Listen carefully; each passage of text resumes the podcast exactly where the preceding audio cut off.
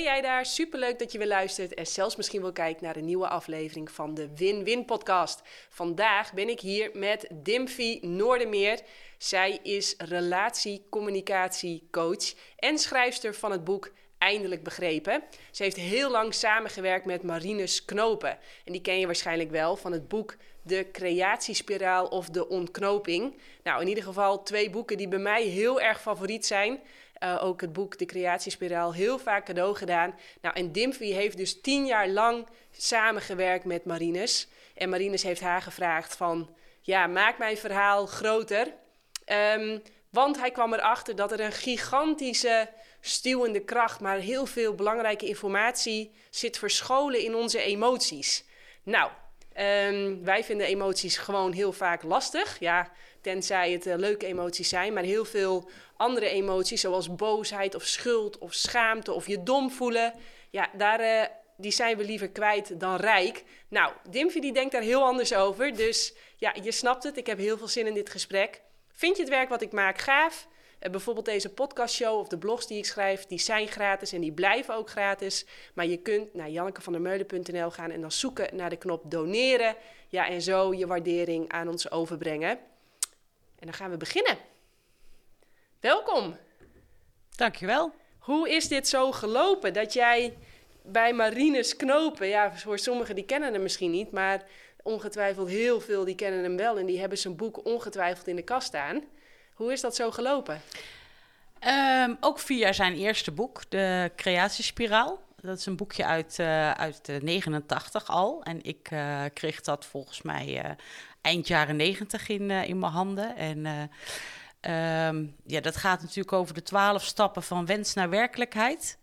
Nou, dat vond ik wel interessant. Zeker ook uh, beroepstechnisch, zeg maar. Om als ondernemer wat uh, succesvoller te worden.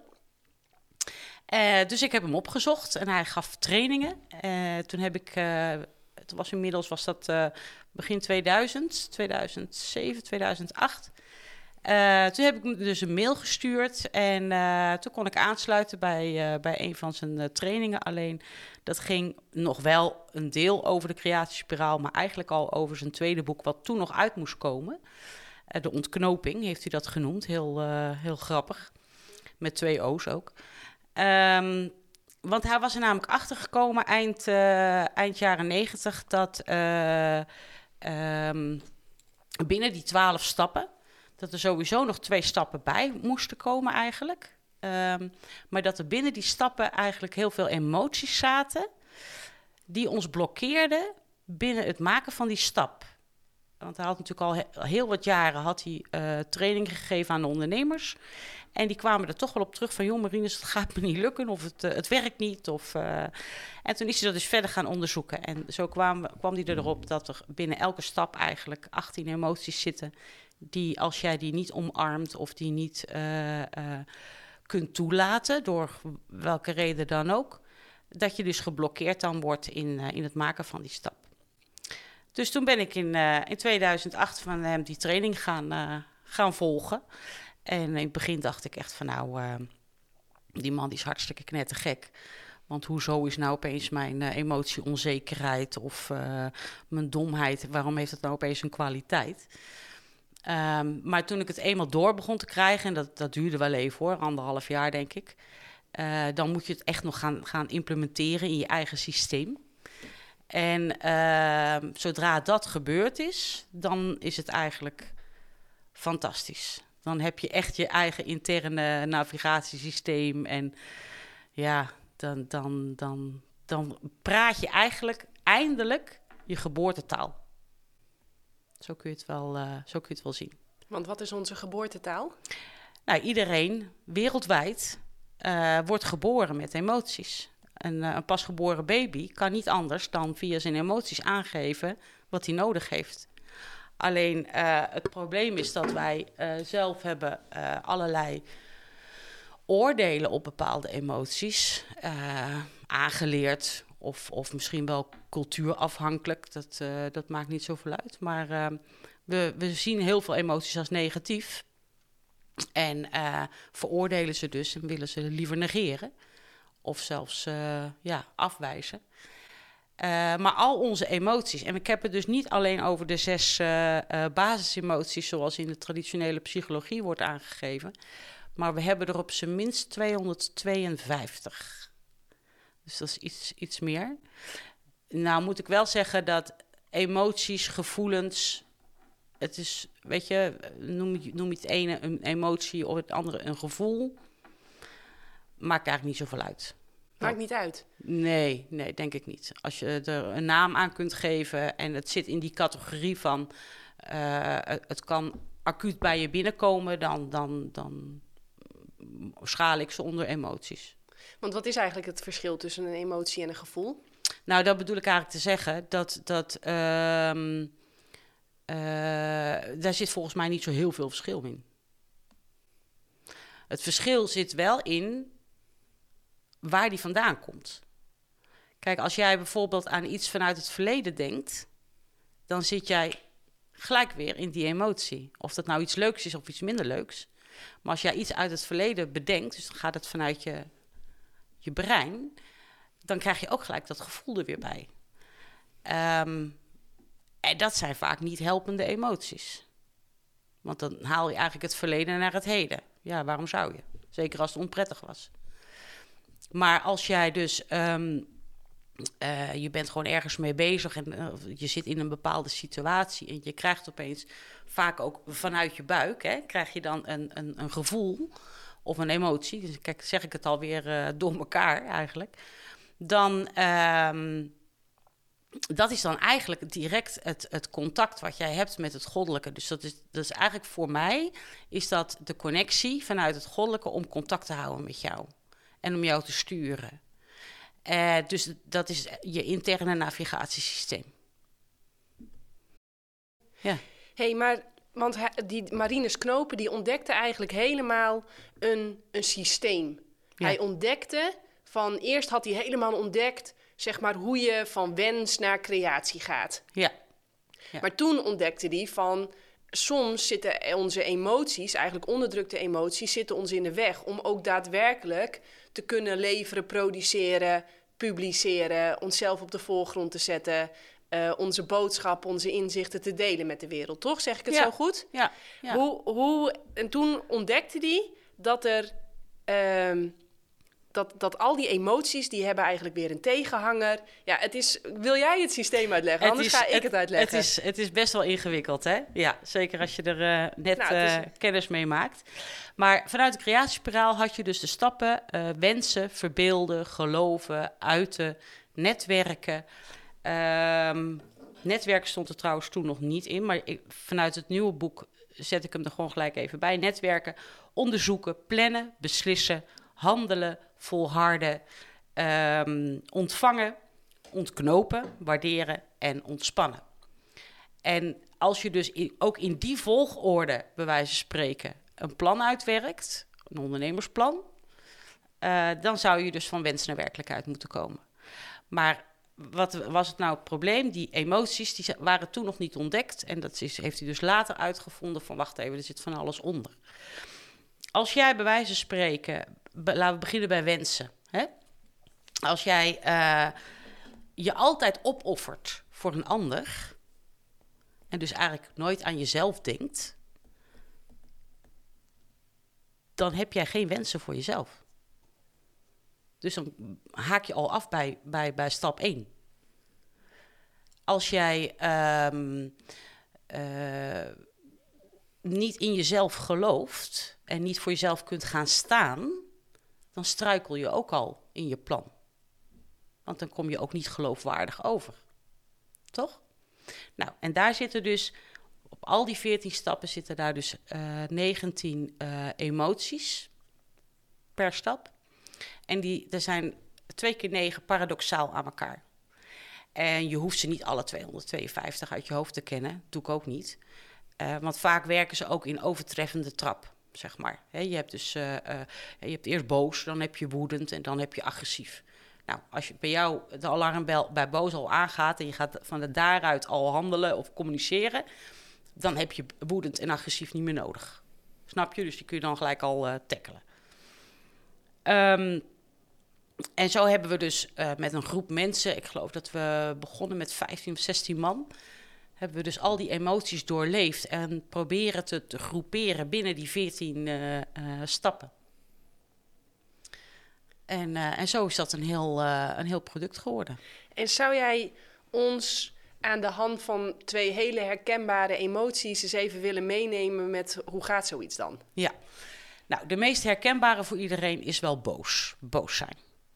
Wat zou, denk ik, eh, wat zou volgens jou de kwaliteit kunnen zijn van boos zijn? Als jij een boosheid voelt opkomen. Nou, als ik boos word, dat gebeurt meestal als iemand over mijn grens gaat. Dus ik laat eigenlijk zien van, hé, uh, hey, uh, jij betreedt mijn territorium ik moet daar direct aan denken, want als iemand met zijn boot in de buurt van mijn boot komt en die hindert mij eigenlijk ja. dus in mijn weg van zo snel mogelijk van A naar B, dan word ik al ja, boos. Ja. Of boos, ja, dan ga ik wel al zeggen van uh, rotten. Of ja, daar komt het wel op neer, ja. Ja. Um, ja, nou, dus ja, daar, heb je hem al.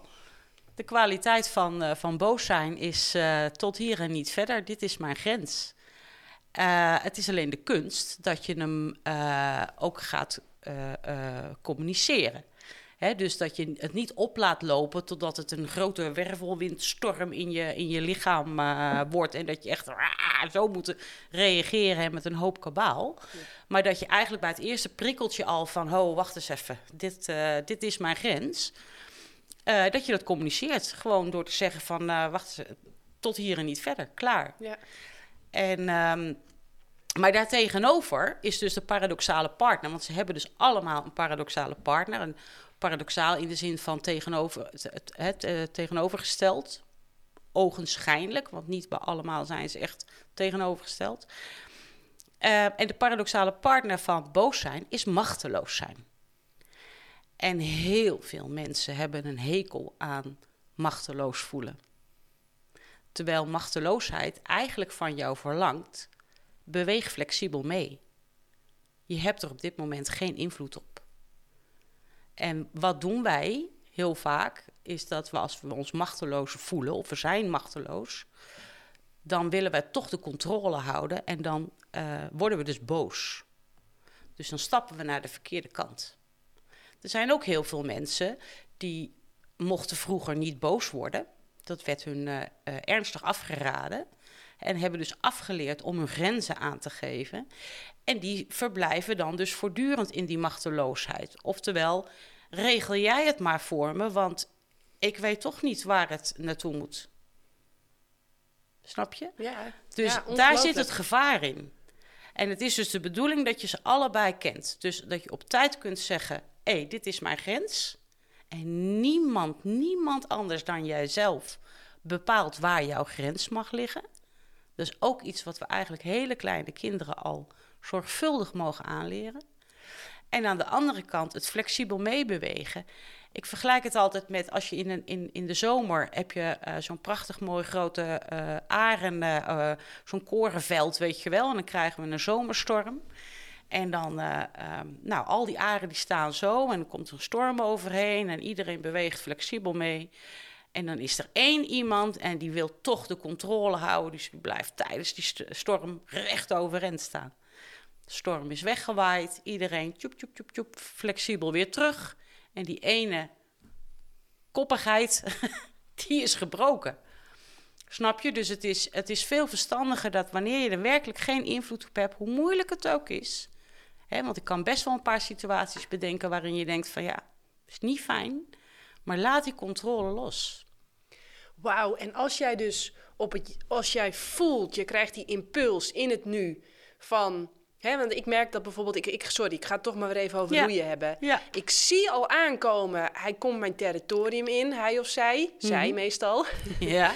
en daar ben ik niet van gediend, want dan zijn we zo meteen beide de pineut. Ja. Als ik voel van, hé, hey, jij niet slim, en ik handel daar direct naar, niets aan de hand. Nee maar hetzelfde als ik voel van, ja, helemaal machteloos. Ik weet niet wat ik moet doen. Ik geef hem maar over.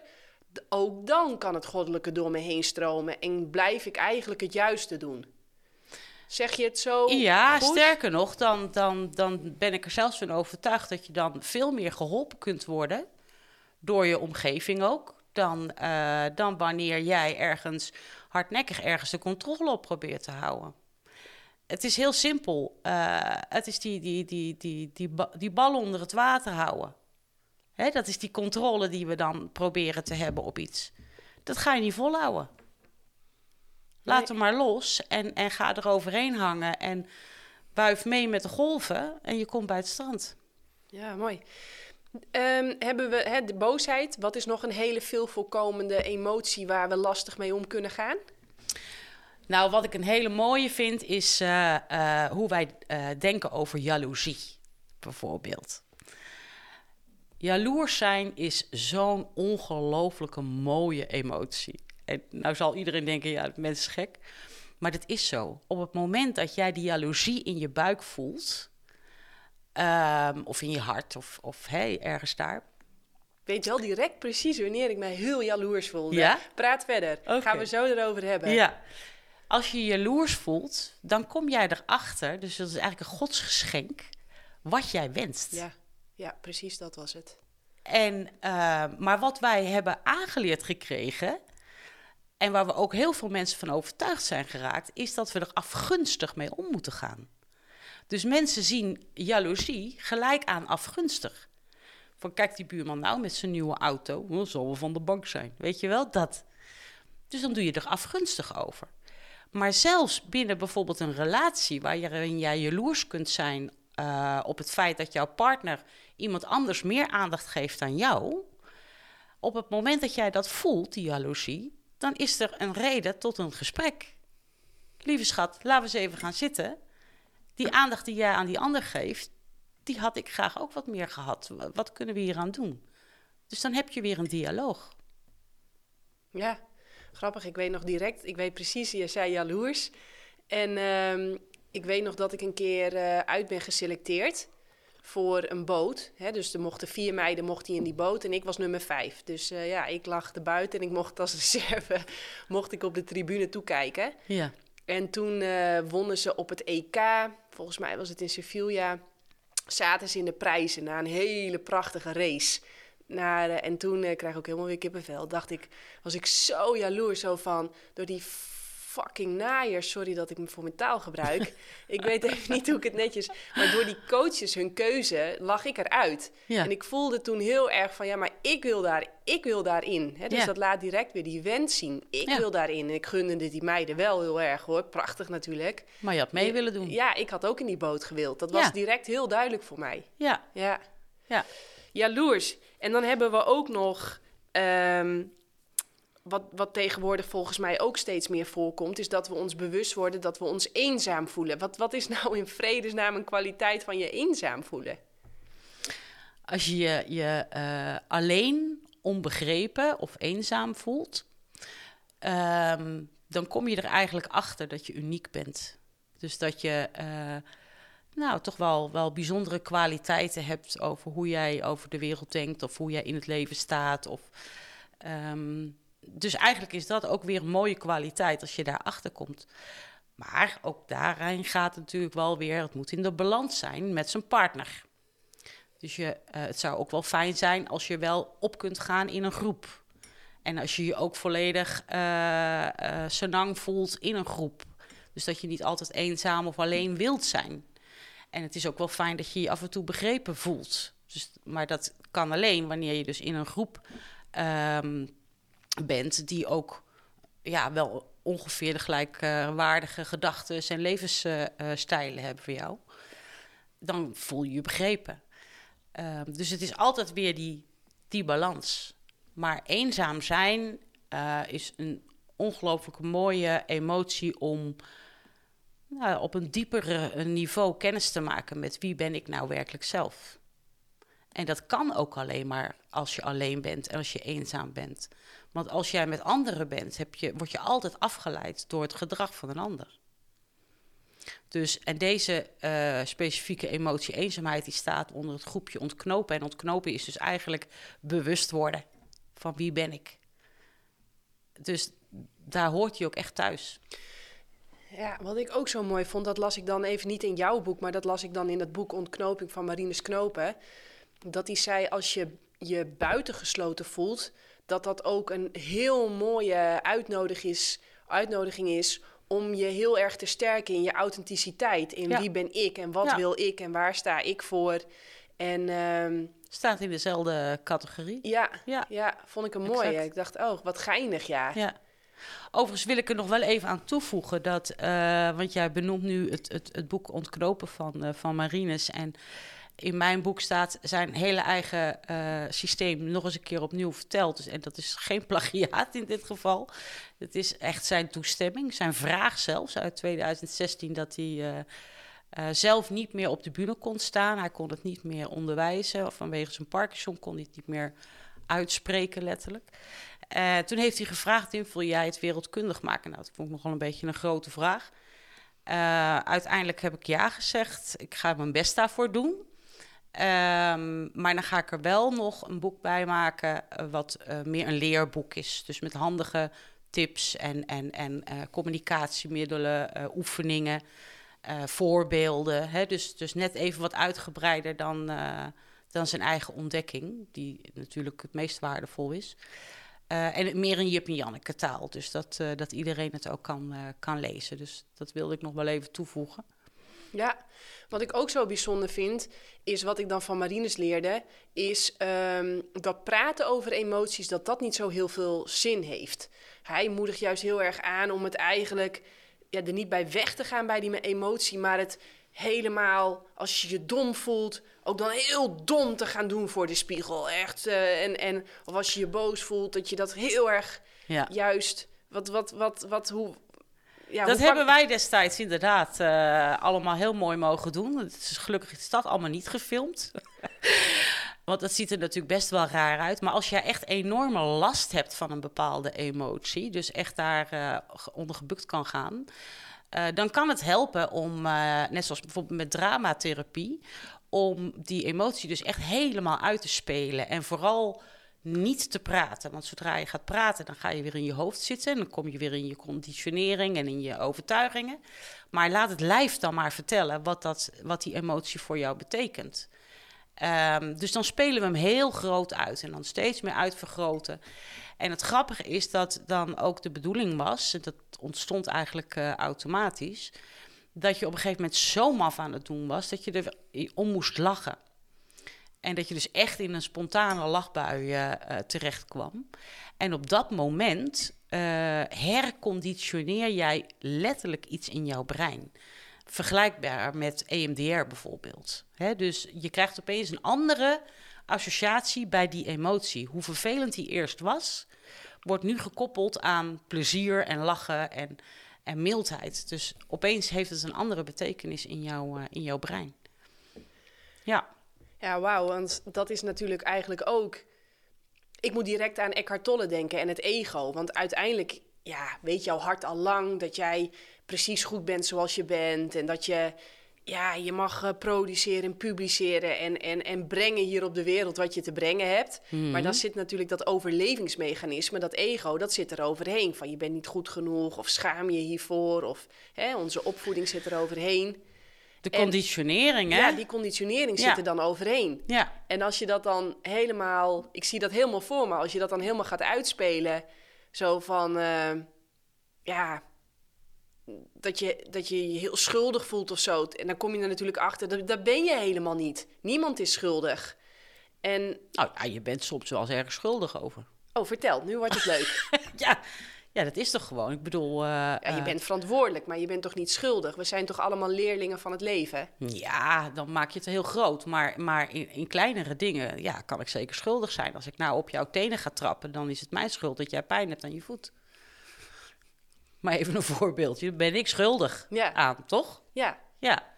Alleen, uh, kijk, en schuld, schuldig zijn is... Ja, maar dan voelen we ons niet schuldig. Want dan voel jij je gewoon, uh, zeg maar, een kattenkop die lekker op mijn tenen gaat trappen. Jij voelt je pas schuldig als jij per ongeluk op mijn tenen hebt gestaan. dan voel je je schuldig van. Of als jij bijvoorbeeld hier per ongeluk je drinken over al mijn apparatuur gaat gooien, wat jij nooit met opzet hebt gedaan, dan pas ga je je schuldig voelen. Want dan is alles kapot en dan zit ik met de, met de shitzooi en dan moet ik alles gaan opruimen. Eh, terwijl je hebt dat niet met opzet gedaan, dus je bent niet schuldig. Ja, dat is, dat, dat, is, dat is een mooie interpretatie. Uh, maar je bent wel schuldig. Want het, het, ook al is het dan niet van tevoren bedacht, het komt wel uit jouw handelen. Ja.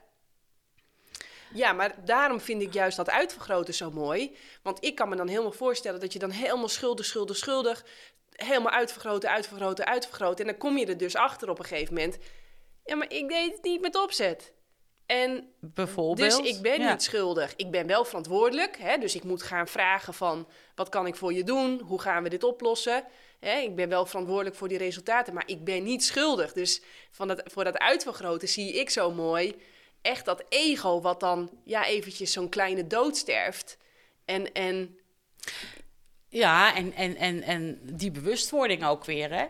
Dus, maar eigenlijk is, is uh, uh, als je je schuldig voelt, is gewoon um, um, ja, je, je bewust worden van, van jouw handelen, maar ook van jouw normen en waarden, bijvoorbeeld.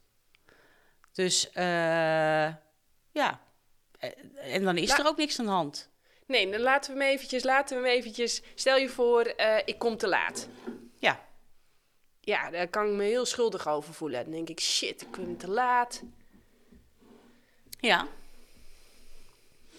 Uh, nou, het grappige eigenlijk is, zoals jij hem nu neerzet, is dat uh, als je, je schuldig voelt en je erkent hem niet als zijnde van schuldig, uh, dan ben je dus de boel een beetje aan het bagatelliseren. Want dan ga je dus automatisch naar die paradoxale partner van, ja, ben eigenlijk wel schuldig, maar ja, eigenlijk ook weer niet, want... Uh, de brug stond open. Precies, Al die bullshit die je dan soms hoort. Ja, had je misschien eerder moeten vertrekken. Als je deze kant op gaat, dan weet je dat druk is, bijvoorbeeld. Hè? Ja, noem maar even iets. Dus dan, dan automatisch uh, uh, zijn er dan veel mensen die dan dus naar die onschuldige kant toe gaan. Zo van, ik ben eigenlijk wel schuldig, maar, weet je... Dus oh, wow. dan, dan bagatelliseer je het. Dus dan ga je naar de andere kant. Terwijl als jij gewoon jouw schuld erkent, dan word jij jezelf bewust. Van ja, het is zo, punt, klaar. En dan is het ook einde discussie en einde probleem. Want dan zal ook iedereen accepteren van dat jij dat kunt zeggen en dat jij dat, dat, dat jouw normen en waarden zijn. Ja, met als gevolg dan, wauw, nu, nu valt even bij mij een kwartje. Als je dus dan ook die schuld erkent, ja. van potverdorie, ik was hier te laat. En uh, nu, heb, ja, nu, nu, nu brengen we daarmee... Loopt het de allemaal in de soep? Loopt het in de soep, even zwaar overdreven. Ja. Um, nou, helemaal niet zwaar overdreven. Wacht even, kan. ik kom te laat. Ja. Weet je, ik los de oppas te laat op, uh, af. Die kan daardoor niet op tijd in haar sportles zijn. Ja, dan voel ik me wel schuldig. En dat is dus dan weer een stuwende kracht om ervoor te zorgen dat ik de volgende keer netjes op tijd ben. Ja. En als jij het bagatelliseert, dus je gaat naar de andere kant toe, of, of uh, je hebt he, met allemaal smoesjes, um, dan voelt dus jouw oppas zich niet serieus genomen. Snap je? Ja, ja, dus ja. die heeft dan weer een, een, een, uh, een emotie. Ja, mooi. Dus je zegt nu ook als wij gewoon heel primair in het nu direct bij die emotie blijven en daar ook naar handelen zoals die bedoeld is. Ja, precies. Ja? Dan is er eigenlijk ook helemaal geen ellende. Nee, exact. Leuk. Ja, want dat heb ja. ik nog opgeschreven. Ik heb nog opgeschreven praten. Uh, even, oh, waar had ik het opgeschreven? Sorry, ja, ik heb twee Andere papiertjes. Ja. Maar uh, communiceren met je emoties van jezelf en communiceren met de emoties van een ander. Hoe bedoel je dat?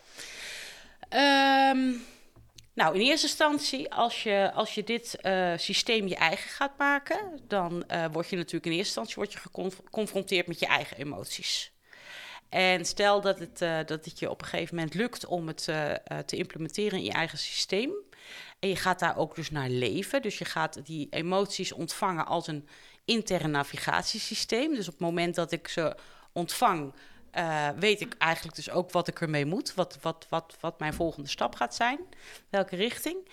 Um, en gaandeweg dat je dat voor jezelf uh, eigen hebt gemaakt, ga je emoties ook bij een ander herkennen. Um, nou, bijvoorbeeld, ook wel een, een interessante, uh, is het koppeltje bedweterig zijn en dom. Hele leuke emoties. Stel, jij staat als leerkracht voor, uh, voor, de, voor de basisschool. Um, en jij stelt aan, uh, aan, aan groep 4, 5, 6, 7, maakt niet uit. Stel jij een bepaalde vraag op hun niveau. Wat er dan heel vaak gebeurt, is dat degenen die dom zijn, of zich dom voelen, of het antwoord dus niet weten, um, of ze houden hun mond, of ze gaan heel erg bedweterig doen. En zeker als er dan eentje zo slim is om te zeggen van nou juf, ik weet het antwoord echt niet, vertel. Of die, die roept bijvoorbeeld zomaar iets. Dan zijn er altijd weer anderen die eigenlijk totaal niet het antwoord wisten. Die dan zeggen van zo, jij bent dom. Snap je wat ik bedoel? Mm. Um, maar als die juffrouw bijvoorbeeld uh, uh, aan haar leerlingen ziet dat ze iets niet weten, dan kan ze dus ook direct reageren met van, volgens mij ben ik niet duidelijk genoeg geweest. Ik ga het nog een keertje uitleggen, misschien dat jullie het dan beter begrijpen. Dus dan zou ze al vanuit de emotie van de kinderen kunnen reflecteren en gelijk doen wat die kinderen nodig hebben. Ja, want je dom voelen, je dom voelen, je voelt je dom als je ja, als je het niet weet. Ja, zo simpel. Heel simpel. Het. Ja. dus het heeft, het heeft te maken met, uh, met het uh, thema geloven in jezelf. En um, nou ja, iedereen is levenslang lerende.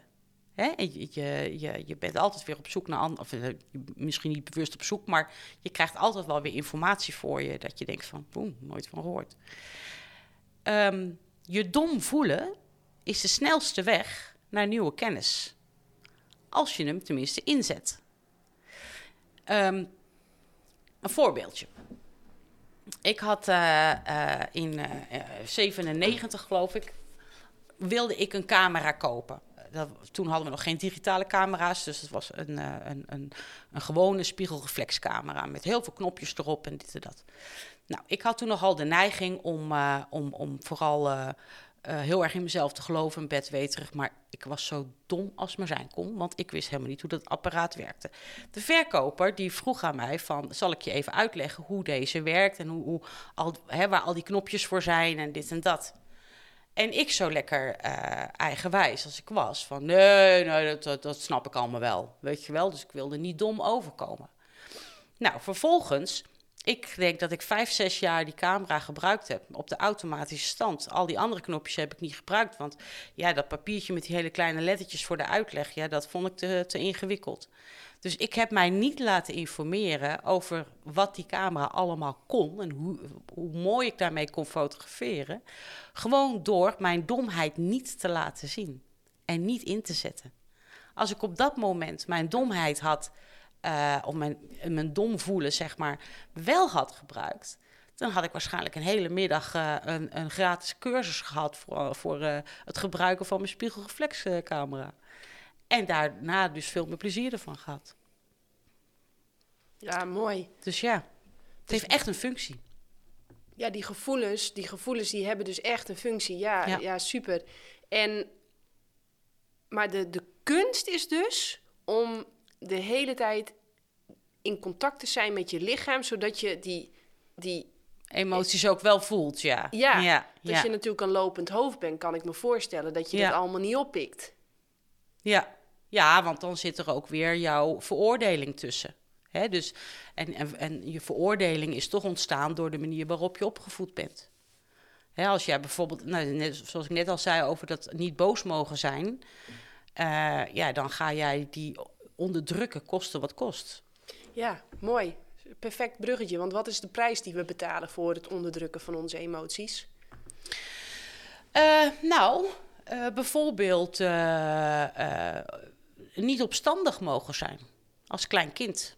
Hè, je, je kent, jij kent ze nou eh, helemaal. Ik ben twee en ik zeg nee. Eh, of ik wil iets, hè, ik wil dit of ik wil dat. En dat is natuurlijk het on- onderzoeken van wat, wat kan ik allemaal.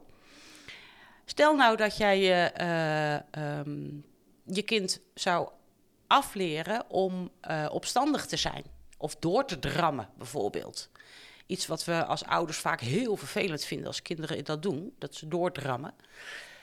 Dan leer je ze eigenlijk af om eh, op latere leven, leeftijd te volharden ergens in. Dus als jij echt iets wilt, dat jij eh, het dan maar snel opgeeft, want ja, eigenlijk mag het niet. Of ik zal toch wel niet kunnen. Of ja, het wordt wel weer uit handen genomen. Zo, weet je, dus dat ontneem je dan iemand.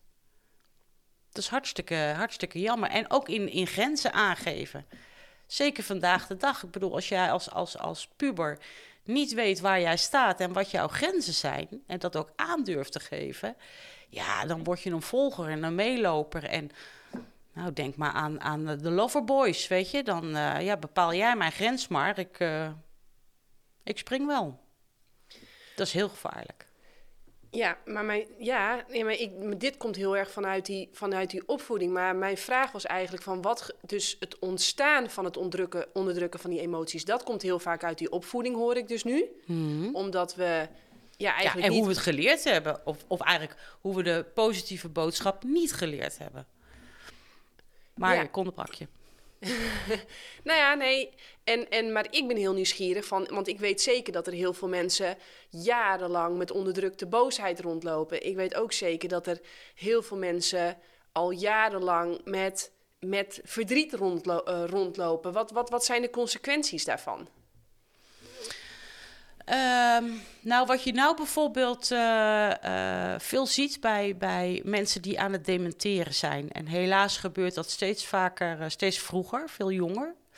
Ehm, die laten dus op een gegeven moment, door die dementie, laten zij dus al hun grenzen los, of al hun overtuigingen los. Hè? Dus dan keren ze weer terug naar hun kinderleeftijd. En dan komt opeens die eh, agressie er eh, eh, enorm uit, bijvoorbeeld. Of het verdriet komt er enorm uit. Is niet meer te stoppen. En voor de omgeving ook niet te verklaren waar dat nou opeens vandaan moet komen. Maar dat is dus jarenlang onderdrukte emoties. Dus die komen er, het komt er een keer uit, hoe dan ook. En, en hoe, want ik wil nog, want, hè, ik ben, eh, ik ben eh, 37 zeg maar, misschien mijn luisteraar ook wel, geen idee.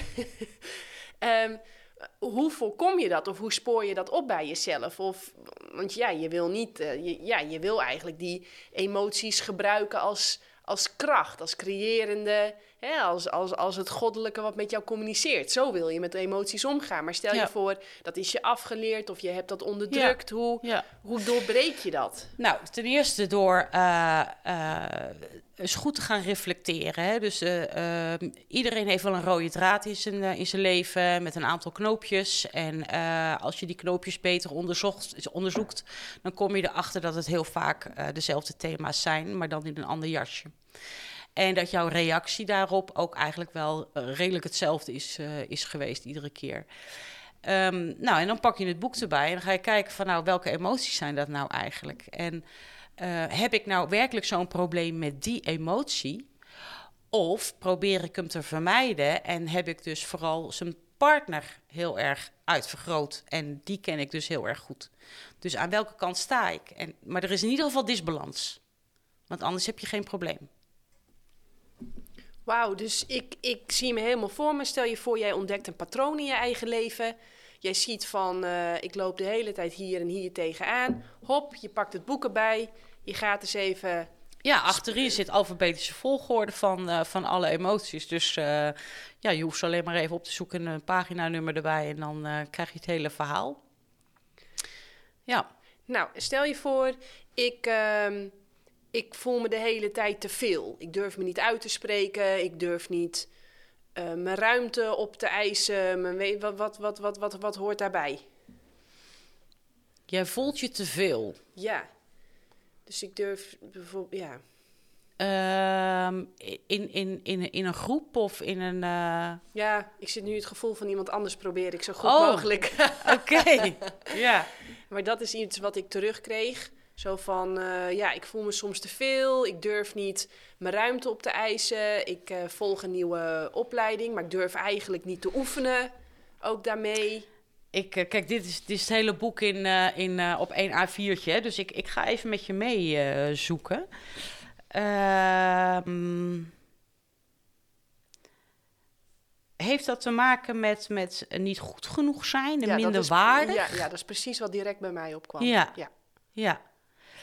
Ehm, als je jezelf niet goed genoeg voelt, of, of, of dom of minderwaardig eh voelt, ehm, dat vraagt eigenlijk van je om jouw eigen beperkingen te, te, te kennen. Dus iedereen heeft beperkingen. Je kunt nooit 100% in alles goed zijn. Dat kan niet. Maar als iemand daar keer op keer eh, in verzand raakt, dan is het heel goed mogelijk dat hij dus de andere kant, dus de paradoxale partners daarvan, nooit ontwikkeld heeft of eh, verboden heeft om te mogen ontwikkelen. Dus bepaalde arrogantie bijvoorbeeld en bedweterigheid en, en eh, dat, je, dat je in bepaalde zaken wel heel volmaakt kunt zijn of wel uitblinkt, dat heeft hij dus niet mogen eh, laten zien. Dus de kant van de- het niet goed genoeg zijn en het dom en min, minderwaardig voelen, nou, die is vaak genoeg uitgetest, want die zie jij heel veel. Dat is iets wat dus een automatisme is geworden.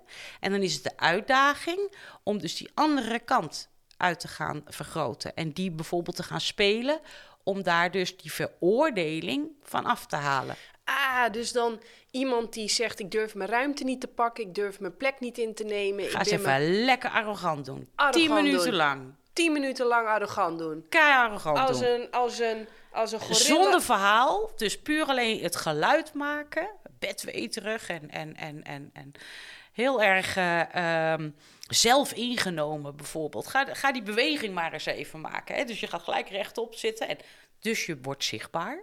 Hè? Want daar had je het net over, van ik ben niet zichtbaar, je wordt opeens word je zichtbaar. En dan ga je dat uitvergroten en uitvergroten totdat je er zelf eigenlijk om moet gaan lachen. En dan heb je dus weer die nieuwe link gemaakt van, hé, hey, dat mag wel.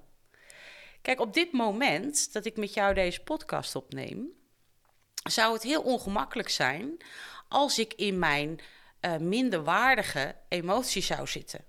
Dan komt er erg weinig informatie uit, uit mij. Ja, toch? dus het is nu is het erg handig eh, als ik bedweterig doe. Hè, dus als ik, als ik meen en ook zo als zodanig vertel dat ik iets te vertellen heb.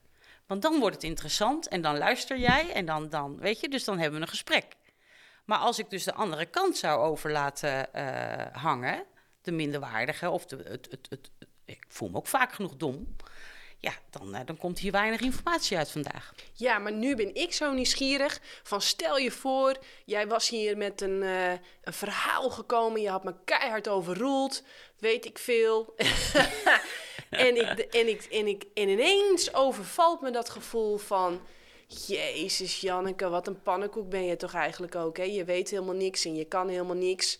En hou je maar stil, zeg maar niks. Want uh, de, weet ik veel. Hè? Dus ik, ik, ik probeer eventjes, wat, wat moet je doen als je overspoeld wordt door schuld of schaamte of, of het gevoel van domheid?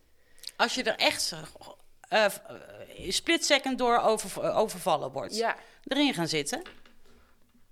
Ja, toelaten, ja, gebruiken. Oké, okay, ja, vertel, hoe doen we dat dan? Um, ja, hoe doen we dat? Door toe te geven dat je je zo voelt. Eerst aan jezelf. Dus gewoon te doorvoelen. En hem dan zijn werk laten doen. En natuurlijk is het handig als je inmiddels al wel een beetje kennis hebt van... oké, wat is ook weer de positieve boodschap hiervan? Dat wel. Dan kun je daarna gaan handelen. Maar in eerste instantie, waar jij het net ook over had, is dat we, uh, uh, we mogen eerst gaan leren, of afleren eigenlijk, om alleen maar aan één kant te blijven hangen. Dus we moeten eerst die balans van al die emoties weer in balans brengen. Dus die andere kant ook te gaan leren. En dan pas kun je er echt ook met anderen mee gaan communiceren. Anders staan ze in de weg. Wow, dus wat je eigenlijk op het laatst nu net zegt, is letterlijk echt kennis hebben van al de emoties die er zijn. Zeg maar even de basis in, in, in, in jullie theorie. Ik zeg even Mhm. jullie, die van ja. jou en Marines. Zijn dat dus negen basisemoties die negen basis tegenhangers hebben. Ja, per stap. Per stap. En dat 14 keer. Ja, oké. Maar, Maar het goed. komt er wel op neer dat het dus wel super handig is om daar wel gewoon een beetje basiskennis over te hebben. Dat is wel heel erg handig, ja. Ja, zeker ook om eh, anders met jezelf te gaan communiceren, maar ook richting die ander. En daarom is dit zo ongelooflijk belangrijke materie, die eigenlijk al op de basisschool eh, ingezet zou mogen worden. Dus dat we, dat we eh, niet dingen afleren qua gedrag, maar dat er beter geluisterd gaat worden. Kijk, kinderen die, die vanaf pasgeboren, maar zeker op basisschoolleeftijd, die kunnen niet anders dan communiceren vanuit hun emoties. Zij kunnen nog niet beredeneren, ze kunnen het nog niet vertalen, ze kunnen het nog niet omschrijven. Weet je, dus puur vanuit hun emotie reageren zij en communiceren zij. En het zijn wij, de volwassenen, die dus de kennis van deze geboortetaal eigenlijk helemaal niet beheersen, die daar een oordeel over heeft en, en misschien ook wel vanuit zijn eigen overtuiging eh, op gaat reageren. Van ja, dat mag wel en dat mag niet. Waardoor je dus beperkt wordt in, in, in de informatie die die emotie jou eigenlijk geeft. Dus daarom is het zo belangrijk dat wij hier allemaal in onderwezen gaan worden. Als zijnde het nieuwe normaal. Ja. Hey, en wat waren voor jou echt de game changers dat je dacht, nou, dat weet je, je, je zei zo straks ook zoiets moois over, eh, ja, mijn onzekerheid ineens een kwaliteit. Ja, ha- hallo, weet je wel, dan klapper je echt met je oren. Ja. Heb, heb, je, heb je daar voorbeelden van? Eh, even kijken, over die onzekerheid heb ik daar een, een voorbeeld van. Nou ja, Dus toch weer, ja, sorry. Ja, Nou, die gaat weer, voor mij komt hij in de buurt van je dom voelen, het niet weten. En als je dat erkent en je reikt eigenlijk uit, je vraagt om hulp of je zegt ik weet het niet. Je onze- onzekerheid heeft ook wel te maken met eh, de kat uit de boom kijken. Hè? Dus ehm, als jij onzeker bent, dan weet jij dus iets nog niet zeker. Heel simpel. Ja, Ja, weet je, de- ik weet iets nog niet zeker. Ehm, dus ik ga nog even onderzoeken. Ik, ik, ik, ik ga het nog even afkijken. Eh, een, een, een onzekerheid en verlegen, die zitten in dezelfde categorie. Eh, een verlegen kind bijvoorbeeld, hè, die, die, ja, die kruipt achter moeders eh, rok en die kijkt het zo af van wat gebeurt er allemaal op het schoolplein. Of sommige kinderen zijn bijvoorbeeld heel lang bezig om af te kijken van anderen hoe ze op zo'n fietsje fietsen. En, eh, en worden misschien wel gestimuleerd. Ja, stap ook op die fiets en dit en dat. En eh, het kind wil het allemaal niet en blijft in die verlegenheid. En na, eh, weet ik veel, eh, een maand of drie... stapt hij zonder zijwieltje stapt hij op en fietst hij weg. Want hij heeft het zo goed afgekeken... dat het al hier helemaal geconditioneerd is. En weet, oh, zo moet het. Even balans voelen en dan, dan gaan we. Snap je? Dus onzekerheid is gewoon eigenlijk een moment van... nou, ik, ik weet het nog niet zeker. Dus of je kunt de hulpvraag eh, inzetten... Dus je- jij gaat mij vertellen van hoe het moet... Of je kijkt het even eh, een tijdje aan, zo van, eh, nou, ik ben benieuwd hoe ik daar zelf een, een antwoord op vind. ja mooi. Hey, en wanneer komen we op een punt dat emoties negatief worden? Want nu hebben we eigenlijk alleen maar, ja, emoties zijn prachtig. En Ja, er ja, zijn een ja. sturende kracht en er zit informatie Ja. in. En Ja, nou, ze worden eh, eh, on- eh, onaangenaam, en zeker ook voor eh, de omgeving, maar ook voor jezelf, eh, wanneer ze niet eh, herkend of erkend worden. Dus als jij iemand langdurig in zijn emotie negeert, of jezelf, hè, je kunt jezelf ook enorm negeren in een bepaalde emotie. Eh, kijk bijvoorbeeld naar verdriet.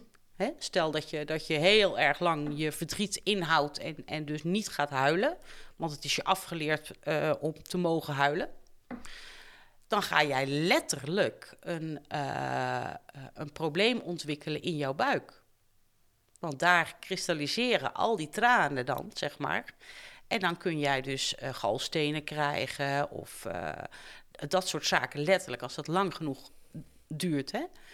Dus, en verdriet is nou net de emotie die letterlijk al jouw shit naar buiten werkt door middel van tranen. Ehm, dus een emotie wordt pas vervelend en, en, en, en vervelend voor de omgeving als die niet gezien en niet erkend wordt. Dus als we hem uh, negeren of verbieden zelfs. Hij moet er toch een keer uit. En dan wordt hij vervelend. Net zoals dat, uh, nou ja, uh, iemand die. Um, welke, zullen we, welke zullen pakken? We hebben er al zoveel gehad. Iemand die bijvoorbeeld heel eigenwijs is of, of koppig. Dat is ook leuk, hè? Nou, als je, dat, uh, als je dus niet koppig mag zijn van jezelf of, of van, van een ander, uh, dan kan dat gedrag uiteindelijk echt heel vervelend zijn en, en ook destructief in je communicatie.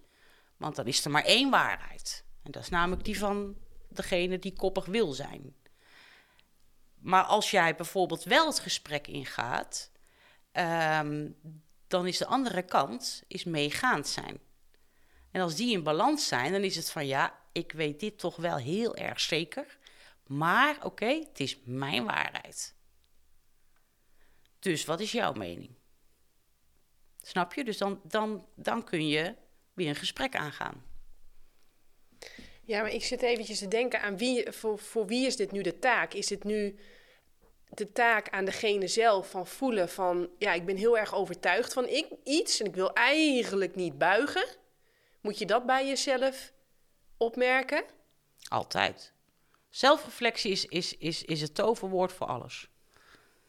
Eerst bij jezelf uh, nagaan van uh, waarom doe ik dit? Of waarom vind ik dit? Of waarom voel ik dit? Uh, wat moet ik ermee?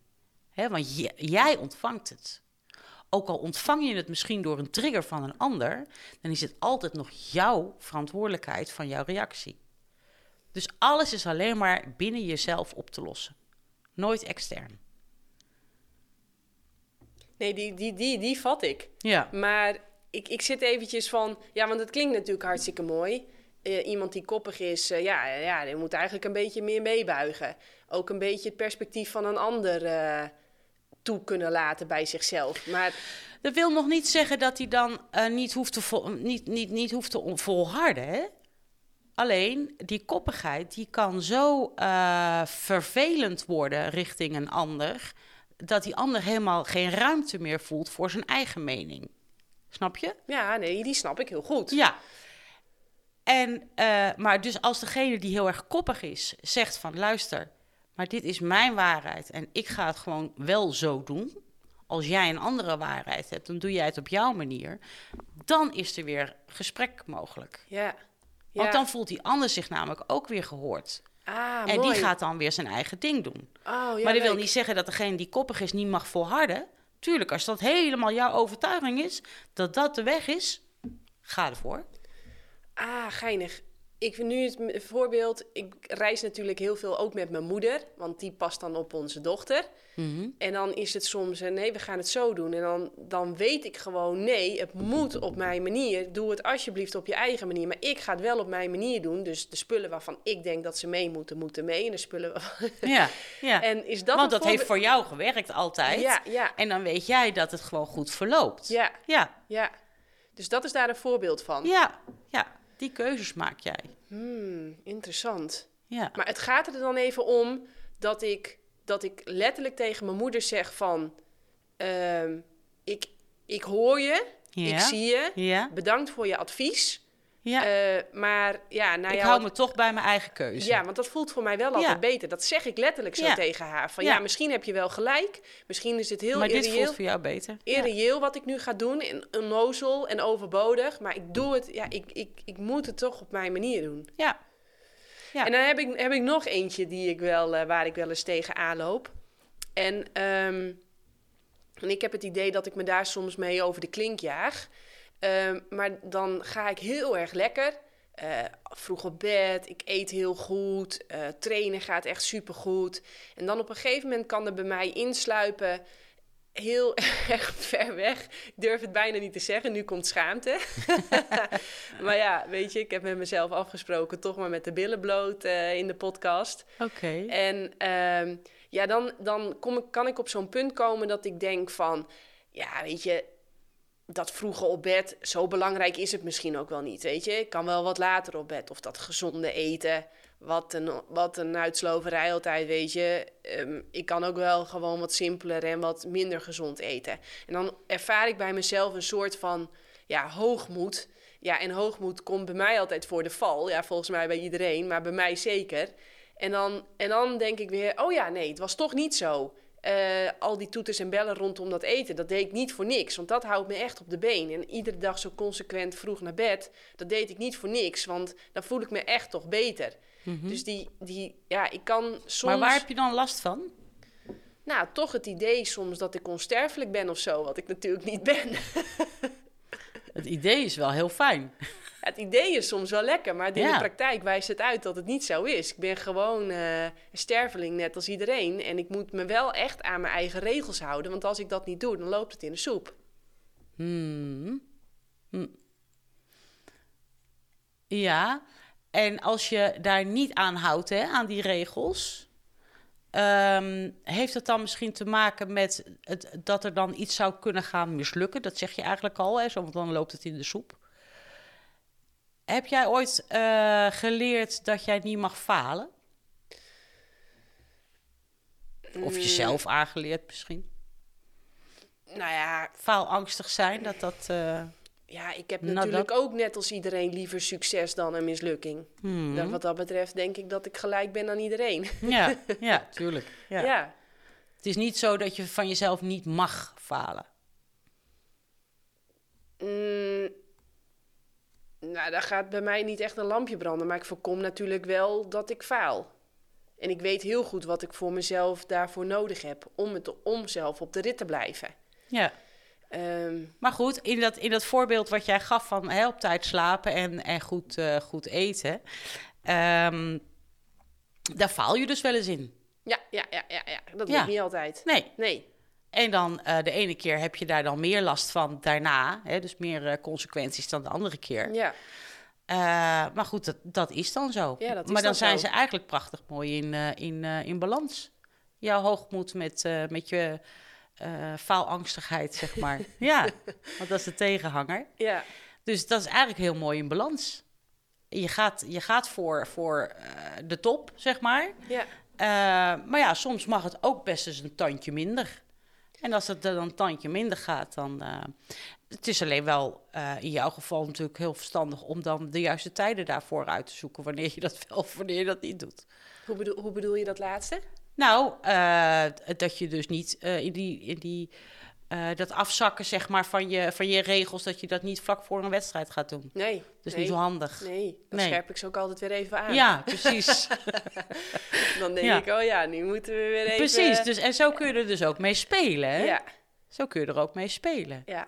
Ja, maar ik heb ook het idee dat mij dat in balans houdt. Want ik, die Ja. boog kan niet altijd gespannen zijn bij mij. Nee, dat zou niet En ook altijd dat serieuze eten. Ja, weet je, soms heb ik ook gewoon zin in makkelijk en snel. En eh, ja, kook maar lekker voor me. En dat het dan niet helemaal precies eh, win-win is, als het maar plantaardig is. Dat is mijn ondergrens. Ja, Maar Ja. als het dan lekker gebakken en gebraden is en lekker veel zout en kilo's olie. eh, nou, ik smikkel het allemaal gewoon lekker op hoor. ja. Ik vind het wel best. Ja, ja. en als je dat dus toelaat, eh, eh, dan voelt die andere zich ook weer een keer eh, goed gezien en gehoord. Dat hij jou Ah. mag verwennen.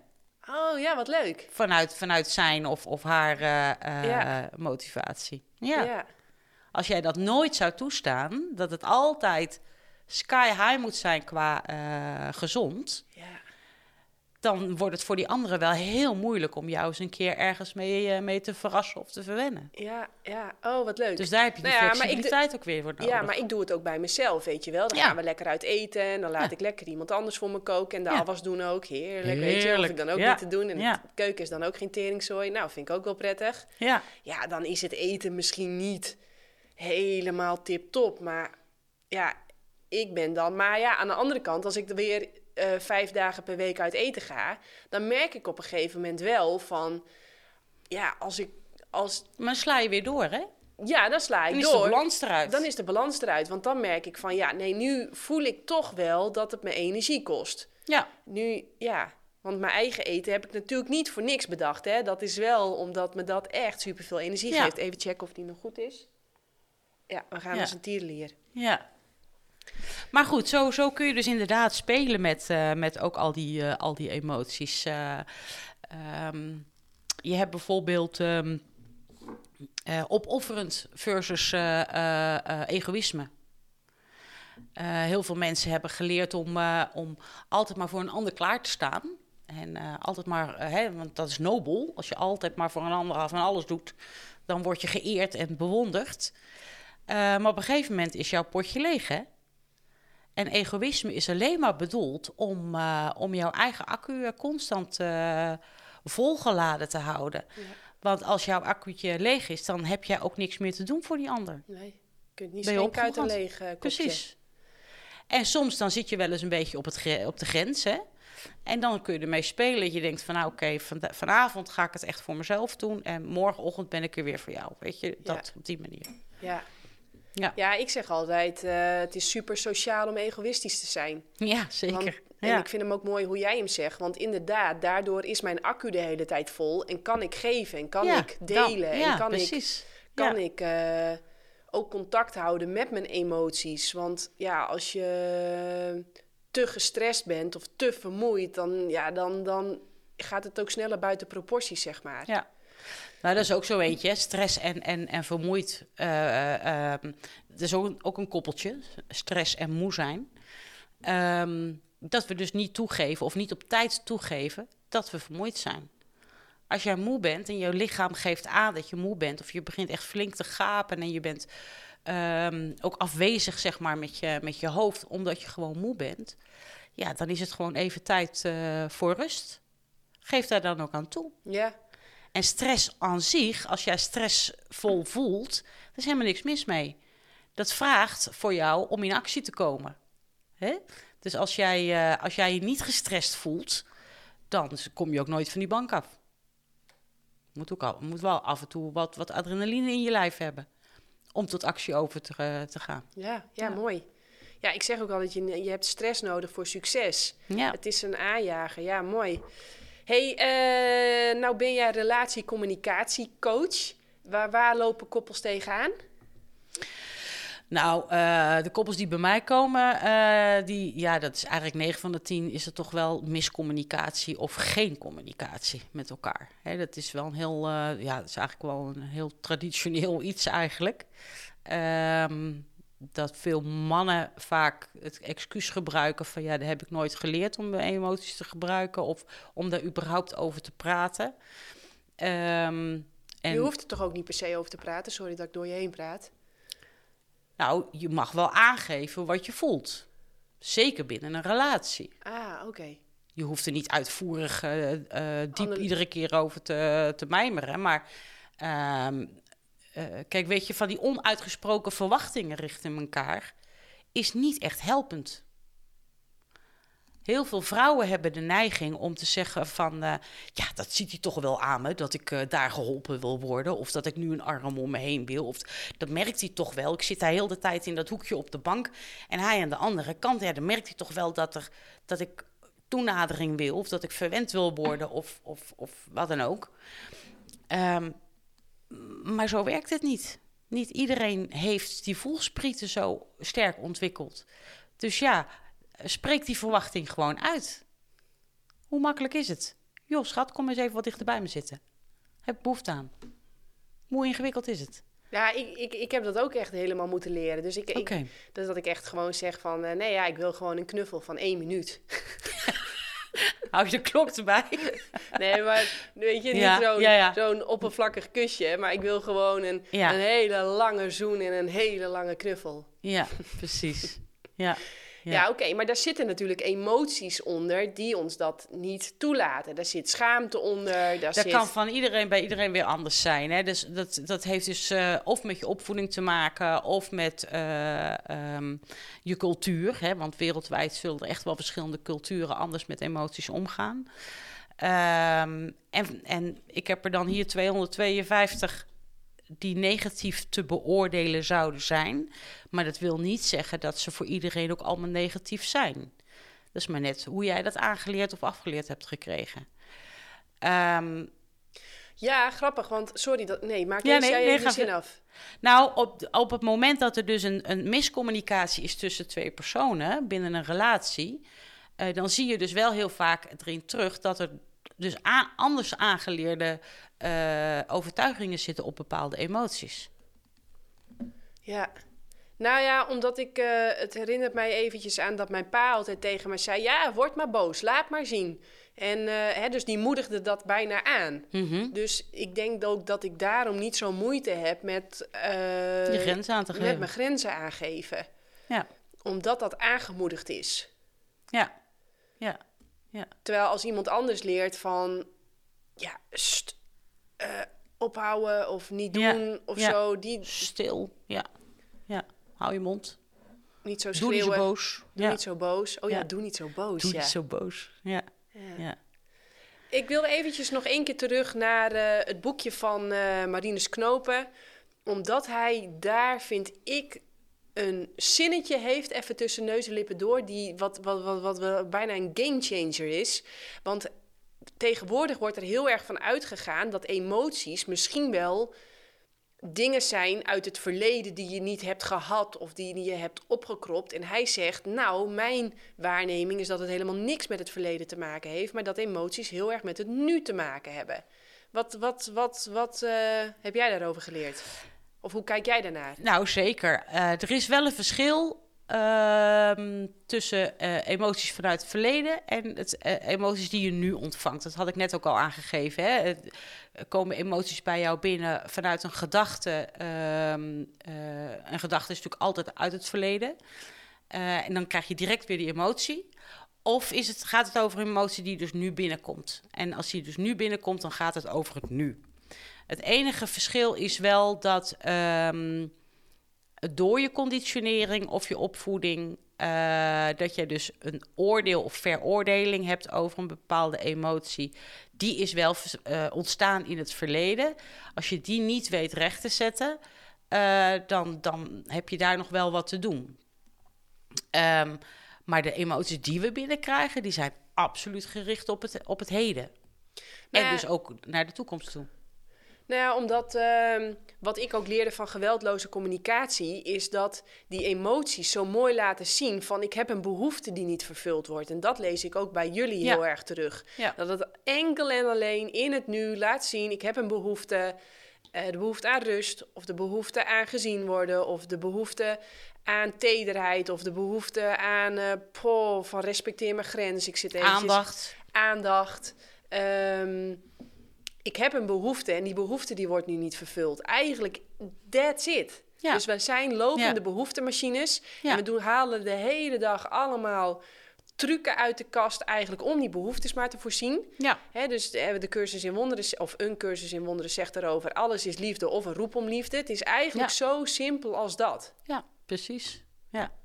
Ja, kijk, en vooral eh, eh, hele jonge kinderen die eh, hebben die behoefte die, vaak nog van buitenaf nodig. Hè? Dus dat iemand anders hem voor, voor haar, hem of haar invult, deels. Maar die schreeuwen dus wel om die behoef- behoefte.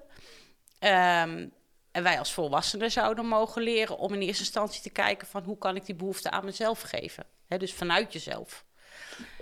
Ehm, zo heb je kinderen die zeuren en klagen, eh, maar zo heb je ook volwassenen die dat doen. Eh, en zeuren en klagen is de emotie die jou eh, vraagt om te communiceren van ik wil graag even aandacht. Wil je even naar me luisteren? Wil je er even voor me zijn? Mensen die doorgeslagen zijn in die emotie van, van ehm, zeuren en klagen, dus die dat constant doen, worden ook wel als een beetje vervelend ervaren, omdat het, ja, weet je, Die worden zuur. oh, moet je nou weer zeuren en klagen, weet je, dat, die worden zuur, inderdaad. Maar die hebben dus afgeleerd om de andere kant, chagrijnig zijn bijvoorbeeld, eh, niet tot zich te nemen. En chagrijn betekent van, ik zonder mij even van alles en iedereen af. Ik ga letterlijk even uit die bubbel naar mijn eigen bubbel. Als je chagrijnig bent, is het ook heel prettig als je even in je eigen ruimte gaat zitten, letterlijk. Even alleen maar met jezelf zijn. Ja. Ja, dus uit verbinding. Dan ga je, stap je letterlijk even uit verbinding. Dat is ook wat je vraagt. Dus als jij iemand in jouw omgeving chagrijnig ziet zijn, ja, kun je het beste vragen van, joh, heb jij eh, behoefte aan even je eigen ruimte? Wil je even op jezelf zijn? Ja. Maar als iemand regelmatig chagrijnig is, ja, dan kan het zijn dat hij eigenlijk heel veel behoefte heeft aan die aandacht, maar afgeleerd heeft gekregen om te mogen klagen. Snap Leuk. je? Ja, leuk. Dus dan ga je. Het is maar net van accepteer je ze allebei. En accepteer je ze allebei, dan kun je ze aan en uitzetten wanneer het jou uitkomt, min of meer. Ja. Ehm, maar ook in de communicatie naar anderen kun jij er dan vanuit die hoedanigheid op reageren. Maar sla je in eentje enorm door, dan is het juist de uitdaging om de andere kant te gaan onderzoeken. En kan ik daar nog iets in verbeteren? Kan ik die beter leren accepteren en daar ook naar gaan handelen? Ik zit even te denken aan afgelopen weekend. Want wij begonnen aan een roeitoernooi. We hadden zelf een team gemaakt. En eh, in het begin ging alles eigenlijk mis, om het maar even zo te zeggen. Nou, dan heb ik flink de smoor in. ja. En dan ja. word ik goed zagrijnig. ja. Want het, het loopt niet, het mislukt allemaal. eh, we hebben pech. En eh, dus dan zeg ik ook letterlijk van... ja, ik moet dit eventjes processen. Dat is dan mijn taal. Ja. Dus ja. ja. Ehm, ik weet het nu even niet. Ehm, en ik weet echt wel van straks moet die knop weer om. En dan, maar dat is dus dat moment dat ik letterlijk even aangeef van ik ben zagrijnig, laat me even alleen. Ja, ja. Dan moet jij weer tot jezelf komen. Ja, ik moet op mezelf komen. Want je zit dan, omdat er van alles tegelijk misgaat... en met meerdere energieën hè, van mensen bij elkaar... Ja, zit je letterlijk in een vervuilde bubbel. ja, ja. En, en daar wil je even uitstappen uit ja, die bubbel. Ja, heel graag. Ja. Je eigen bubbeltje weer even opschonen. Zo van, hoe was het ook alweer voor mij? Hoe werkt het ook alweer voor mij? En waarschijnlijk kom je dan met een enorm goed idee. Kun je daar weer mee de verbinding gaan maken. En plop, iedereen is weer met elkaar dezelfde kant op. Geinig. Ja, En als Ja. ik dat dan eigenlijk niet uit die vervuilde bubbel stap, ik blijf daarin. Ehm, wacht even, want ik, ik zit eventjes als hij uit balans gaat. Want die andere snap ik ook. Als het de hele tijd kut gaat en ik kom er zelf niet uit, ja, dan heb ik Mitchell. Hè, dan ga ik met hem even praten van, eh, ja, ik, eh, het lukt me niet en eh, hoe moet ik het nou doen en wat denk jij? En dan gaan we Mhm, een oplossen. Dan ga ik eigenlijk uitreiken naar hulp. ja, ja. Want dan ben je even onzeker. Ja, dan ben ik even onzeker, ja. Ja, ja. Het gaat allemaal niet zoals ik het hebben wil. Maar ik zit eventjes met, stel je voor, ik zou die zaggerijnigheid onderdrukken. Want het is niet handig om zaggerijnig te zijn. Ik moet de hele tijd het leuk, lief en aardig blijven doen. En maar de smile op mijn kaken houden, terwijl ik eh dik de P in heb. Ja, in sommige situaties kan dat niet anders. Hè? Het is maar net eh, eh, waar, je, waar je op dat moment bent. Eh, verstandig is alleen wel om aan jezelf dan even te erkennen van... oké, deze, deze opschoning van, eh, van, van deze negatieve energie... Of, of dat wat er niet goed gaat, of, dat ga ik zo meteen alsnog even eh, doorvoelen. En dan zet je hem dus even in de wacht, zeg maar. Eh, en dan doe je op dat moment, blijf jij in die verbinding. Dus dan blijf je nieuwsgierig en je blijft eh, ehm, die aandacht eh, tot je nemen die dan aangeboden wordt. Hm. Ehm, en een enkele keer dat doen is niet zo heel erg natuurlijk. Want je kunt er wel voor kiezen ook om, om af en toe er wel of niet naar te acteren. Als het maar wel in balans is, als het maar niet doorslaat. En, en, wat ik een hele mooie hoor bij jezelf, is dat je het echt erkent. Dus dat je zegt, Ja. ik zie je, ik voel Ja. je. Ja, Maar dit is niet een moment, maar ik kom wel bij je terug. Zoiets hoor ik Ja. je zeggen. ja precies. Ja, Hm. ja, Leuk. ja. Ik vind het interessant. Mooi zo. Ja, Ja. ik vind het heel interessant. Ik wilde er ook nog even ehm, eentje aanraken waar, ehm, eh, waarvan ik merk dat die nu wel heel erg ehm, belangrijk is in deze tijd. Je hoort heel veel mensen die eh, praten over eh, je schaduwkanten opruimen, zeg maar. En ehm, bewust worden van wie ze zijn en wat ze zijn. En dat ze in een hogere frequentie eh, mogen blijven. En eh, je, ik lees dan ook heel vaak dat als er dan toch een keer iemand een negatieve opmerking ergens tussendoor maakt van, eh, oh nee, je moet je energie hoog houden. oh, oh. En dan denk ik van ja, maar dat is ook weer kunstmatig als we het op die manier gaan doen. Hè? Dus doorvoel gewoon wat jij te doorvoelen hebt op dat moment. En deze stappen van, vanuit de creatiespiraal, hè, die ze, Marines heeft ontdekt, die hebben zelfs nog met seizoenen te maken. Ja. Het stukje ontspannen bijvoorbeeld, dat is de laatste stap. En dat zit dus echt diep in de winter. En binnen ontspannen zit bijvoorbeeld depressiviteit. Iets waar niemand graag naartoe gaat.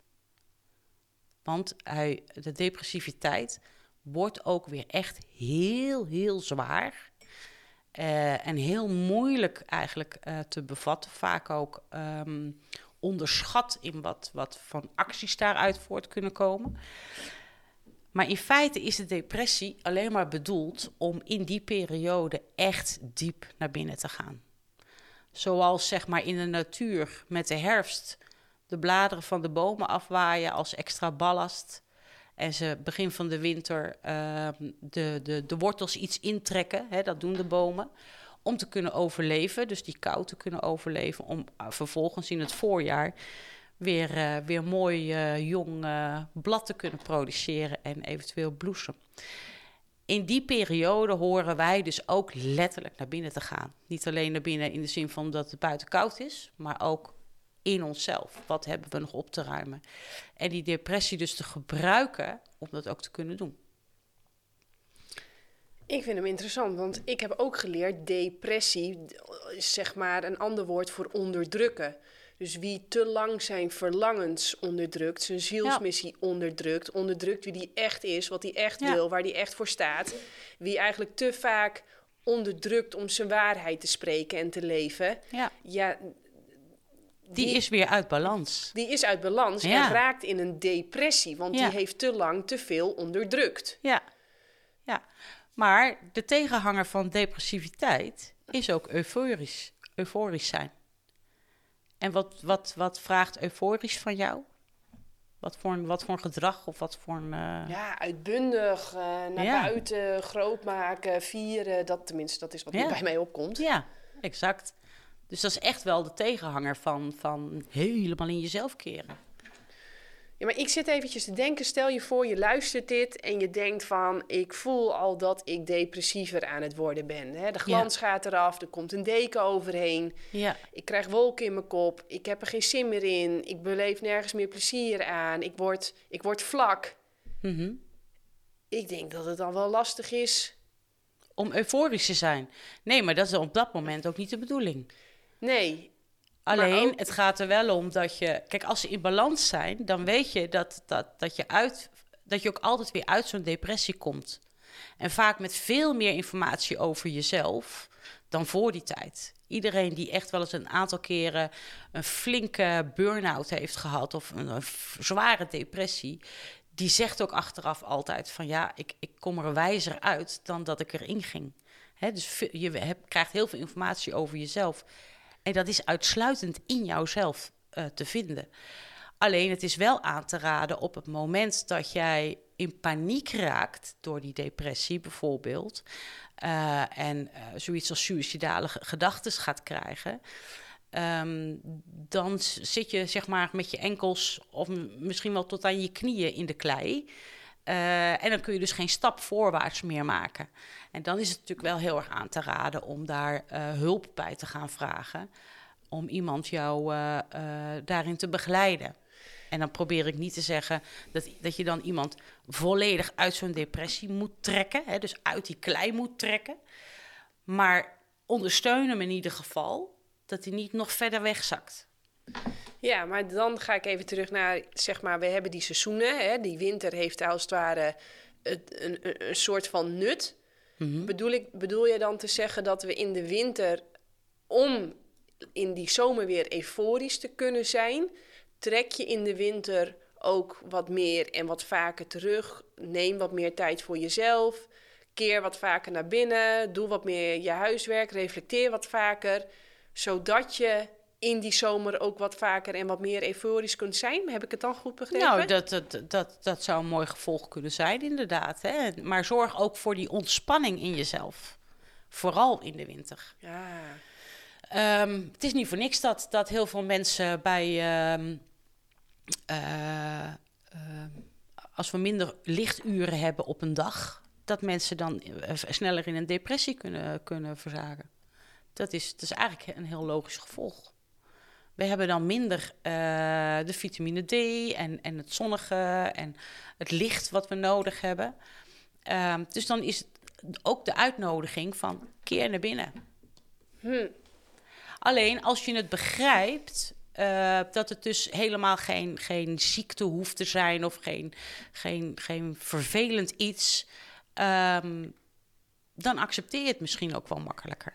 Ah, is dat eigenlijk wat je bedoelt te zeggen? Van accepteer dat je gewoon toe bent aan diepe, diepe, diepe ontspanning. Ja, ja, En, ja. maar ik zie, ik maar we zie zien er allemaal zoiets negatiefs van, hè? ah, en dan moet maar een pilletje in, want je mag niet voelen wat je voelt. Dat is jou, dat is jou, dat is, dat is wat jij probeert te zeggen. Ja. Van, ook in die depressie zit wat moois. Er zitten Ja. lessen in verstopt, er zit eh, wijsheid in verstopt over jezelf, over wie je Ja. bent. Over... Ja. Maar ik, ik zie bijna, ik probeer iedere dag wel die depressie, ik noem dat dan gewoon vroeg naar bed gaan. Ja, bijvoorbeeld. Dan maak ik het ook heel donker, Ja, eh, zodat ik ja, die dag weer energie heb en euforisch kan zijn. Maar dat betekent wel voor mij vroeg die dag afsluiten, rust opzoeken, diepe ontspanning opzoeken. Ja.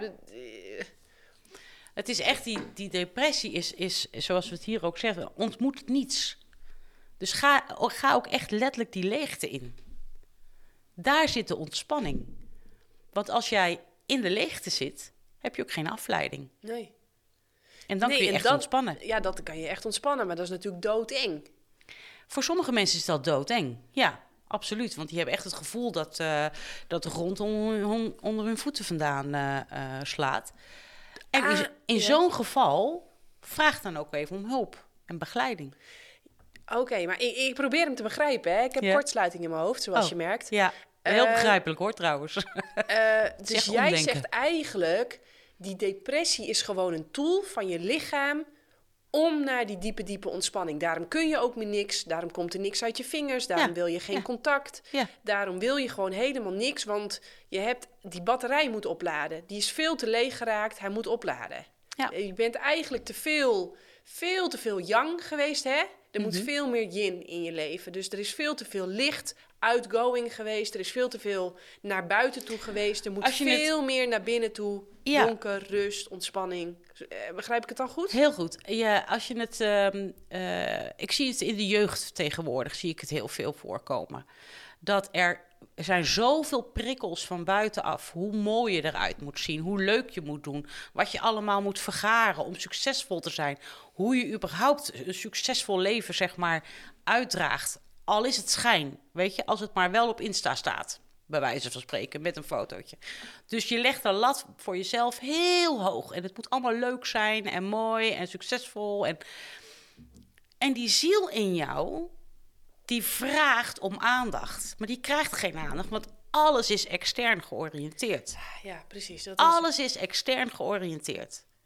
Daar gaan we naartoe, want we moeten het voor die leuk. En, en, ik ben niet, hè, als ik niet zichtbaar ben, dan ben ik niet succesvol. En ze moeten toch, nou ja, van alles. Alles is extern, jouzelf. En dan vraagt dus jouw hele lichaam, en uiteindelijk trekt hij jou dus echt diep naar binnen. Ik wil ontspanning, ik wil aandacht, ik wil rust. En als wij daar dus te lang onszelf, ons binnenste, die ziel, te weinig aandacht hebben gegeven, dan krijg je dus die negatieve depressie. Die ongelooflijk zwaar kan zijn, waardoor je dus er niet meer uitkomt of zelfs suïcidale gedachten kunt hebben. En dan ben je dus eigenlijk al veel te ver gegaan. En dat zie je dus nu heel veel bij de jeugd, hè, of de, de, de, de jongvolwassenen. Dat ze zo ongelooflijk bezig zijn met dat externe, die buitenkant. Hoe ze zichtbaar zijn voor de buitenkant. Maar ze vergeten zichzelf. Ja. En ze komen er allemaal, worden ze erdoor wakker geschud. Of allemaal, maar veel. Want er is op het moment, misschien is het ook wel de tijd ervoor, dat we dus uh, in een andere soort energielevel zitten. Um, dat er dus zoveel jongeren in die depressie getrokken worden. Dat kan er zelfs mee te maken hebben, zit ik nou opeens te bedenken, dat tijdens de lockdown werd ook iedereen op zichzelf gericht. Hè? Kon niet anders. Je moest naar binnen. Letterlijk. En daar kan dat best wel eens opgewakt, uh, uh, aangewakkerd zijn. Um, dat dus jongeren erachter zijn gekomen van ja, maar dat stuk heb ik nooit aandacht gegeven. Ik ben altijd extern georiënteerd geweest, nooit intern. Ja, dat zou kunnen. Ja. Ik zit hem even te denken met die paradoxen. Maar, um, nou ja, omdat ik dan eigenlijk denk van dan is er daar heel veel tijd geweest voor rust, voor ontspanning. Maar dan moet je dat, als ik het dan goed begrijp, wel erkennen en accepteren. Ja. Zo van, ah, nou, ik gebruik deze periode. Ik vond het heerlijk. Ik hoefde niet te reizen, ik hoefde niet te vliegen, ik had niet al die wedstrijden. Dus uh, ja, ik heb heel veel op een tuinstoeltje in de tuin gelegen en ik vond het wel best eigenlijk. Dus met als gevolg dat ik dus daarna dan wel weer makkelijk wel kan knallen en kan reizen, omdat ik daar die rust en die ontspanning gewoon maar heb genomen en gepakt. Ja, ja precies. Maar jij zegt dus eigenlijk als je daar dan die rust en die ontspanning niet hebt gepakt, want je accepteert het niet. Nou, je werd uit je comfortzone getrokken natuurlijk. Hè? Als je altijd heel erg gericht bent op, op, uh, uh, op anderen. En opeens. Uh, is dat er niet meer? Is dat er niet meer? En word jij echt puur op jezelf aangewezen? Ja, dat is wel even een confrontatie natuurlijk. Ja. Ja. Ja. ja. Mooi. Nou, wil, jij, uh, wil jij nog... Uh... Nou, ik denk dat we wel even uh, met ook een beetje een grappige moeten afsluiten, ja, leuk, toch? Leuk, Want, leuk, leuk. We gaan... Ja, ja, ja, ja. ja. Dat, hele zware zo, dat is natuurlijk ook niet alles. Ja, dat vind ik een mooie. Even kijken, ik wat... voel hem direct. Um, um, nou, wat vind jij bijvoorbeeld van uh, dromerig, onwerkelijk en wereldvreemd zijn? Mag dat van jou? Dromerig en wereldvreemd zijn. Oh, nou, daarover val je me mee. Ja. Um, ik zal je een beetje helpen. Het zit, het zit in de categorie van verbeelden. Nou ja, ik, wij hebben natuurlijk nu een dochter ja. van 2,5. En ja. die is de hele dag daarmee bezig. En ik vind dat wel geinig. Wat die allemaal bedenkt. Ik zei het vanochtend tegen, nog tegen een vriendin. Ik kan daar de hele dag naar, naar kijken. Want ze, ze keutelen en ze scharrelen en ze spelen. En het slaat allemaal helemaal nergens op. En ze, en, en ze verliezen zichzelf daarin. Ik, ik vind dat wel geinig. Ja, ja. Wat denk je dat de kwaliteiten van, de, van, van die emoties zouden kunnen zijn? Ze zijn deze keer heel onschuldig, maar wel. Uh, ja, de kwaliteiten. Kwaliteit, wat is de kwaliteit van dromerig en, en onwerkelijk voelen? Of, uh... ja, het, het, het, roept bij mij iets heel lichts op. Het roept bij mij speelsheid op. Ja. Het, roept, het roept bij mij ook op kappen met allemaal serieus zijn en serieus spelen en het allemaal zo zwaar nemen. Deze, deze, het is eigenlijk, het is maar het spelletje hier. Gebruik je fantasie. Gebruik je fantasie ook, ja. ja. En, en, en het mooie is dat uh, door het gebruiken van die fantasie schep jij eigenlijk nieuwe verwachtingen en jij schept nieuwe creaties.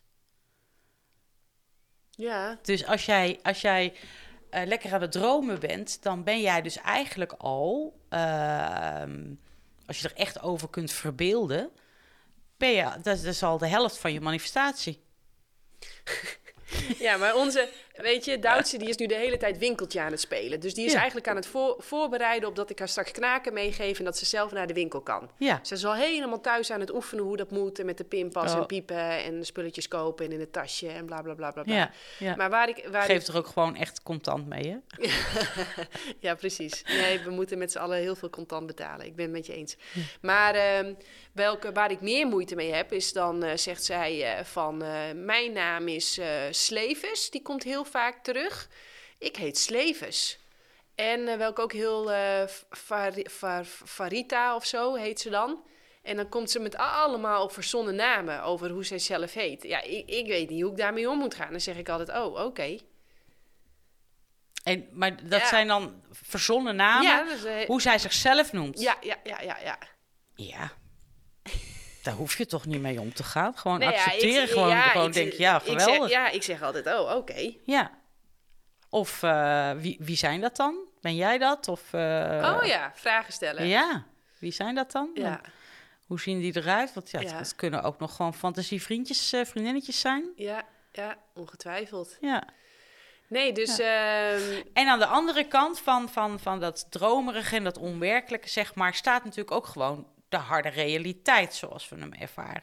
Dus ont, ont, ontmoet de realiteit zoals dat je, dat je verbaasd kunt zijn van, oh, ik, ik zat de hele tijd in mijn droomwereld en ik kijk opeens uit, ehm, ja, dan moet ik toch wel uit het raam en dan denk ik, oh, oh, oh ja, oh. Ik moet de belasting betalen. Dat heb ik dan vanochtend gedaan. Ja, ja, ja. Je had gedroomd dat je het niet hoefde. nou ja, nee, dat niet. Maar ja, dan komt toch die realiteit. En je moet Ja. toch even overmaken. Ja, ja, ja. Zoiets. ja. Nou, en daar de balans in vinden, Ja, zeg maar. Ja. geinig. Nou, wil je nog wat zeggen? Ehm, nou ja, ik, ik hoop dat iedereen ehm, eh, hierdoor eigenlijk wel een andere gedachte heeft gekregen op zijn emoties. En eh, nieuwsgierig is geworden naar eh, wat dat voor zijn eigen leven kan, eh, kan betekenen. En hoe je daarmee om kunt gaan en hoe je er met jezelf mee kunt gaan communiceren, maar ook richting een ander. Zodat we elkaar allemaal beter gaan begrijpen. En eigenlijk ook wel, hè, dat is een beetje de onderliggende boodschap van de titel van mijn boek, Eindelijk Begrepen. De boodschap van onze emoties, dat we elkaar en onszelf beter gaan leren begrijpen. Door de emoties goed in te zetten, waarvoor ze bedoeld zijn. Mooi. Ja, Heel erg bedankt. Voor Jij je bedankt. tijd. En jij bedankt voor de uitnodiging. Yes. Jij ook heel erg bedankt voor het kijken, voor het luisteren. Vind je dit gaaf? Deel het volop op je social media. Je mag ook naar jannekevandermeulen.nl gaan en dan zoeken naar de knop doneren. Jannekevandermeulen.nl is ook de enige plek waar je het boek De Eiwitleugen kunt kopen. Het is inmiddels ook de plek waar je het receptenboek kunt kopen met de win-win formule. Eh Dimphy, waar kunnen we jouw werk eh, vinden? Eh, mijn werk is te vinden op, op mijn website www.dimfinoordermeer.nl. En overigens, ik wilde de luisteraars nog iets leuks aanbieden. Voor als ze via mijn website of via jouw website een mailtje sturen met uitleggen waarom zij dit boek vooral zouden willen ontvangen. Dan, ehm, dan gaan we er een aantal gratis verstrekken. Leuk. Ja? Nou, mooi cadeau. Oké, dacht ik ook. Mooi cadeau, super. Tot de volgende keer. Doei! Tot de volgende keer. Doei, ik had hem op jou. Wil jij ook op een supergezonde, verantwoorde manier meer plantaardig eten? Lees dan het nieuwste boek De Eiwitleugen. Mijn naam is Janneke van der Meulen. In 2019 werd ik voor het eerst wereldkampioen kustroeien en in 2021 werd ik moeder. Allemaal op een dieet van voornamelijk fruit en planten. Want weet je wat het leuke is? Jij hoeft niet dezelfde fouten te maken als dat ik heb gemaakt. Wil jij ook het allerbeste voor jezelf, de dieren en de aarde? Ga dan naar jannekevandermeulen.nl slash boeken.